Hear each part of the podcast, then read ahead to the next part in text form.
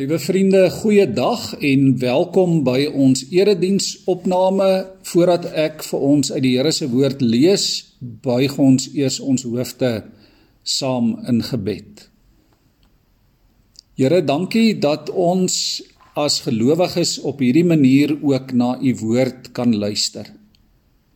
Dankie Here dat ons weet dat u woord die waarheid is en dat u juis u woord en u gees gebruik om in ons lewens in te spreek. Here, ons bid dat u ons gehoorsaam en ontvanklik sal maak en dat ons sal reageer op dit wat u woord vir ons leer. Dit is ons gebed in die naam van Christus, ons verlosser. Amen. Liewe vriende, ek wil vir ons graag 'n paar verse lees uit Efesiërs Nou voordat ek dit lees, is dit belangrik dat ons uh, sal sien dat Paulus praat hier in Efesiërs 5 vanaf vers uh, daarvan vers 21 af praat hy oor mans en vrouens in die huwelik. Maar dan gebruik hy dit ook as 'n beeld as 'n vergelyking vir Christus en die kerk. En vir oggend se tema is om dankbaar te wees oor die kerk. En ek wil graag hierdie gedeelte dan nou gebruik om uh die tema vir ons mooi uit te bou. Kom ons lees vanaf vers 25 Efesiërs 5. Mans, julle moet julle vrouens lief hê soos Christus die kerk liefgehad en sy lewe daarvoor afgelê het. Dit het hy gedoen om die kerk aan God te wy nadat hy dit met die water en die woord gereinig het.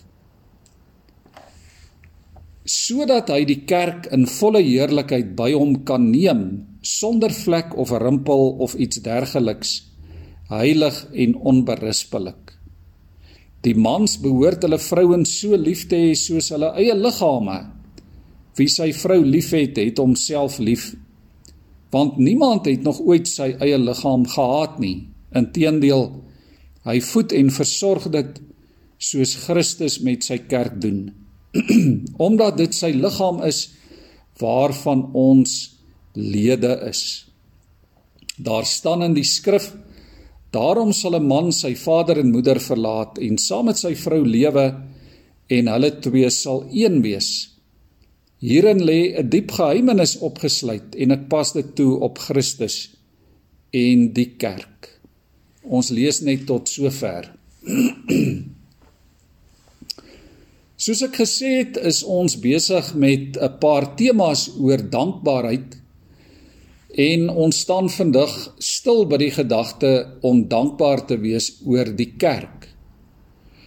Nou in 'n sekere sin is dit dalk 'n baie ongemaklike tema omdat nie almal noodwendig dankbaar of opgewonde is oor die kerk nie. Ons weet, liewe vriende, dat daar baie kritiek is teen die kerk. Ons weet dat daar baie mense is wat niks met die kerk of met God te doen wil hê nie. Die moderne mens voel toenemend dat hy die Christelike kerk nie nodig het nie. In dieselfde asem moet ons eerlik vir mekaar sê dat die kerk is nie altyd reg nie. Die kerk het nie altyd klinkklare finale duidelike mooi afgeronde antwoorde oor alles nie. Die kerk om die waarheid te sê stoei ook met dit waarmee die wêreld stoei. Die kerk is soms lomp en onhandig, ja dalk selfs ook heeltemal verkeerd. Die kerk is definitief nie 'n versameling volmaakte mense nie.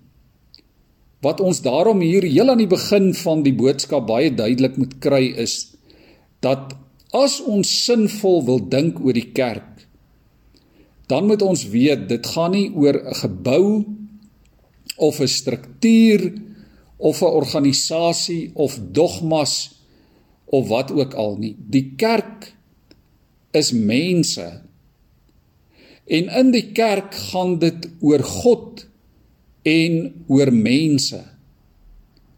Die kerk in die wêreld het ook wel verskillende forme en gestaltes. Maar in wese is die kerk mense. Die eklesia soos ons in die Nuwe Testament lees, die versameling wat reageer op die roepstem van God se Gees om aan God te behoort. Toe ek die week hieroor nagedink het, het die woorde van die bekende lied 526 by my opgekom. Die woorde ubi caritas et amor ubi caritas deus ibi est. Dit beteken waar daar liefde is en deernis, daar is God die Here. Hoekom hierdie lied en hierdie woorde? Omdat ons nie oor die kerk kan dink sonder om oor God te dink nie. Dit klink mos baie logies, né? Maar ons kan nie oor die kerk dink sonder om oor liefde te dink nie. Want God is liefde. Dis tog wat die Bybel, die woord duidelik vir ons leer. So waar daar liefde en deernis is, daar is God die Here en is God teenwoordig. Ons kan dit seker omdraai ook en sê waar God teenwoordig is, waar God geëer word as die Here, daar is liefde en deernis. Nou is die vraag vanmôre Hoekom is jy dankbaar oor die kerk? Maar dalk moet ons die vraag eerder verander en vra: Hoekom is jy lief vir die kerk? En ek moet eerlik sê, ek is dankbaar vir die kerk. Juis omdat ek lief is vir die kerk. Dalk klink dit vreemd. Maar iewers vroeg in my lewe het ek ontdek dat God my in die kerk liefhet en dat God dit in sy woord bevestig. En as ons dan vra waarop is die kerk gebou? Dan is die antwoord eenvoudig op die liefde van God. En daarom kan ek ook net regtig dankbaar wees oor die kerk as en omdat ek lief is vir God. Dit werk mos ook so in 'n verhouding, dit werk spesifiek so in die huwelik. Daarom tref Paulus ook hierdie vergelyking tussen die huwelik en die verhouding wat ons in die kerk met Christus het. Ek kan net dankbaar wees oor my huweliksmaat, oor die een met wie ek getroud is. Ek kan net dankbaar wees selfs ook oor 'n goeie kollega en hom of haar my huweliksmaat waardeer as daar opregte liefde is as ons regtig vir mekaar omgee met 'n omgee liefde. En daarom die vraag: Hoe lief is jy vir die kerk? Of moet ek eerder vra: Hoe lief is jy vir God? Iewers hoor ek iemand sê: Ek is lief vir Jesus, maar ek is nie lief vir die kerk nie. Of iemand anders sê dalk: Ek is dankbaar oor my gemeente, maar nie oor die kerk nie. Nou wonder ek maar net of dit enigsins moontlik is. Dit het my sommer laat dink aan die stoutste hond in die wêreld. 'n 2 jaar oue labrador met die naam Floors. Hy het letterlik alles gevreet wat voorkom, van sokkies tot kinderspeelgoed, handdoeke, valstande, toiletpapier, tuinslange, juweliersware en meubels en beursies. Hy het kos gesteel van die tafel af. Hy het water gedrink uit die toiletbak. Hy het heeltemal beserk geraak wanneer daar donder weer in die lug was. Een lang naweek onthou ek het hy 'n drywe prieel en twee perskebome feitelik tot op die grond afgekou. Floors is dikwels uitgekruit as die slegste, die onmoontlikste hond op die hele aarde. Vra maar vir my, ek weet want hy was ons labrador. Hy was onafrigbaar, amper onbeheerbaar. Maar ons was verskriklik lief vir ou Floors. Ons sou hom vir niks verruil nie. En baie mense sal dalk vra maar hoe is dit moontlik? Hoe kan 'n eienaar 'n hond met soveel swak eienskappe lief hê? En die antwoord is eenvoudig, omdat Floors ook baie goeie eienskappe gehad het. Hy was ook liefdevol en lojaal en waaksaam. Hy sou ons met alles in hom beskerm. Hy was in baie opsigte ons oë en ons ore. Ons sou hom verseker nie maklik prysgee nie. En so is dit ook met die kerk. Ons kan, liewe vriende, in enige kerk, in enige gemeente kan ons baie foute en gebreke uitwys. Daar is besluite waarmee ons nie saamstem nie. Dikwels neem die kerk volgens ons nie sterk en streng genoeg standpunt in oor kwessies in die samelewing nie. Daar kan mense in die kerk wees wat ons dalk frustreer. Dalk is dit van die redes hoekom jy vandag afsydig staan teenoor die kerk. Miskien is jy gedwing om te gaan toe jy jonger was. Miskien het jou ma jou met 'n naald of 'n speld bygekom as jy nie stil gesit het toe jy klein was nie. Die predikant preek dalk swak.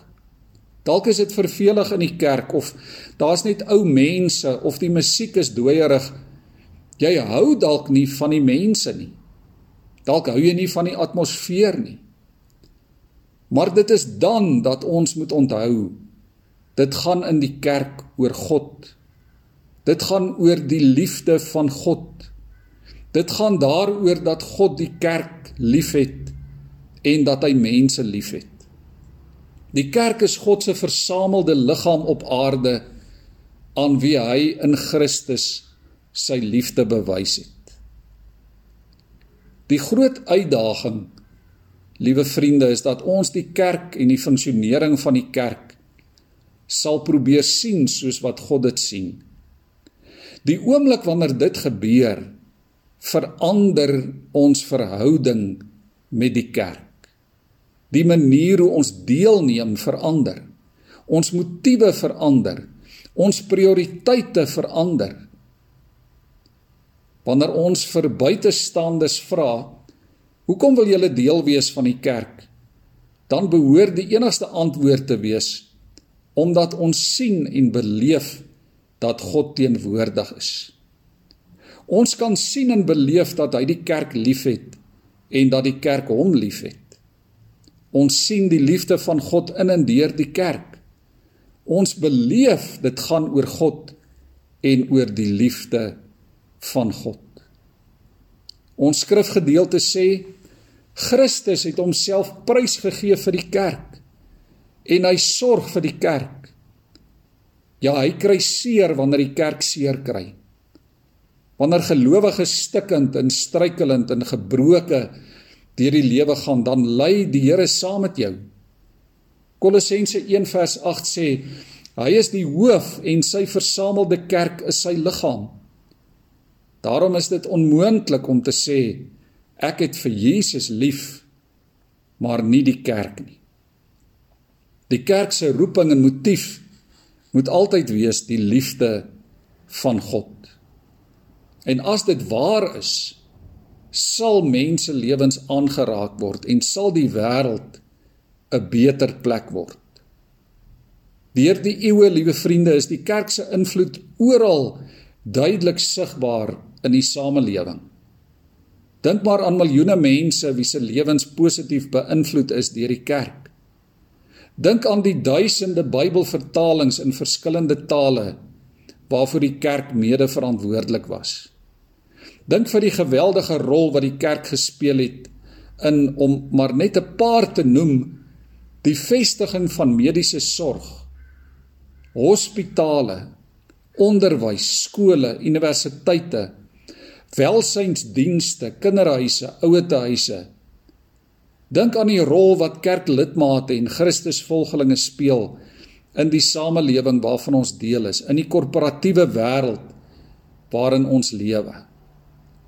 Natuurlik is daar ook oneindig baie gevaarligte wat vir ons wys dat dit nie noodwendig meer oral en altyd so goed gaan met die kerk nie. En daarom beteken kerk wees ook dat ons in 'n stryd gewikkel is. Nie 'n stryd om oorlewing nie, maar 'n stryd ter wille van die liefde van God. As ons vandag sê die kerk is gebou op die liefde van God, dan is dit juis 'n plek vir mense wat God se liefde nodig het. Dit is juis nie 'n plek vir volmaakte, skoon, netjiese, perfekte mense wat alles mooi presies onder beheer het nie. Die kerk is 'n toevlugsoord. Dis 'n rusoord vir swerwers, vir soekers, vir mense wat juis nie perfek is nie. As jou beoordeling van die kerk afhang van die perfektheid van mense, dan gaan jy teleurgestel wees. Inteendeel, die kerk erken en bely dat daar net een is wat perfek is, naamlik Christus, die hoof van die kerk. Dit is aangrypend. Dis aangrypend dat God stikkende mense saamroep om vir hom 'n lig te wees Waar die kerk teenwoordig is, moet die donker plek maak vir die lig. Die leuen moet plek maak vir die waarheid. Die kerk is mense, mans, vrouens, kinders geskep na die beeld van God, verlos deur die bloed van Christus, gevul met sy gees. Jesus, liewe vriende, het nie aan die kruis gesterf vir 'n organisasie of vir 'n dogma of 'n gebou of 'n struktuur nie. Hy het juis sy lewe gegee. Hy het dood gegaan vir stikkende, sondige, afhanklike mense soos jy en ek. Hoekom is ek dankbaar oor die kerk? Omdat die kerk my geleer het van die liefde van God. Dalk is dit vir my makliker omdat die kerk van kleins af deel is van my lewe daar by die kerk en by gelowige ouers en by ander gelowiges en saam met hulle het ek geleer van Jesus.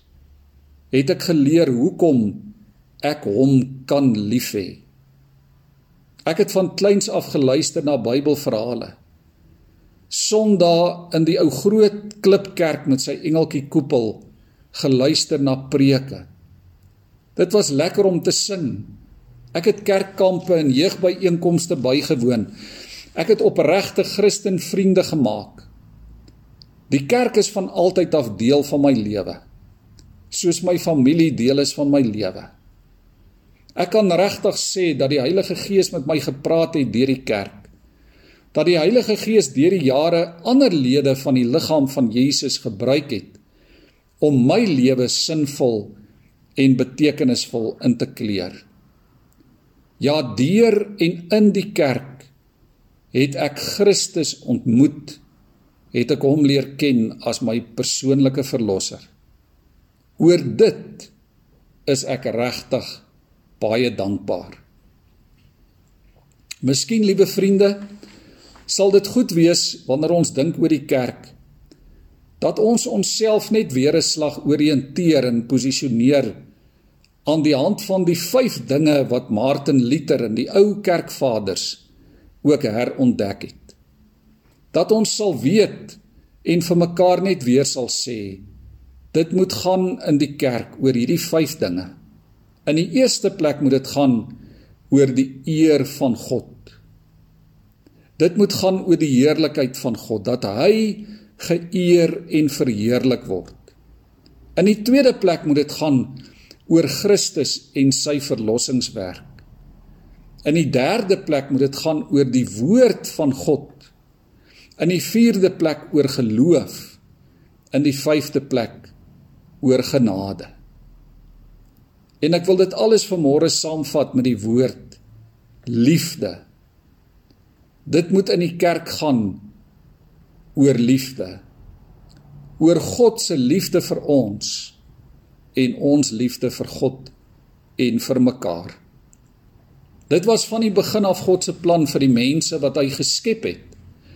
En die kerk bied vir ons die ruimte waarbinne ons hierdie liefde kan leer ken en kan ervaar en kan uitleef. Vir my mede-kerklidmate wil ek daarom vra: Hoekom gaan jy kerk toe? Hoekom behoort jy aan 'n gemeente? Hoekom verlang jy dalk ook nou in hierdie inperkingstyd na die kerk? Hoekom gaan sit jy in 'n kerkgebou? Hoekom sing ons? Hoekom bid ons? Hoekom dien ons ander? Hoekom gee ons om vir ander? Hoekom gee ons dankoffers? Daar mag alleen net een rede wees oor die liefde van God. Omdat jy die liefde van God ken en nog meer daarin en daaruit wil leef tot eer van die Here. Omdat jy Jesus nog beter wil leer ken omdat jy die woord wil hoor, omdat jy wil groei in geloof, omdat jy wil toeneem in genade, in omgee, in deernis teenoor ander. Dit is wat Jesus en Paulus en die apostels en die vroeë kerk geleer het. Dit is wat die ou kerkvaders herontdek het. Dit is wat jy en ek weer ernstig vir mekaar moet sê oor hoekom ons kerk is en wat die Christelike kerk vir ons beteken. Die kerk wil die wêreld herinner aan die liefde van God. Daarom en daarvoor kan ons dankbaar wees. En dit is wat die Heilige Gees in en deur ons wil doen. Want deur die liefde van God lewe ons. Ons kan nie daarsonder lewe nie.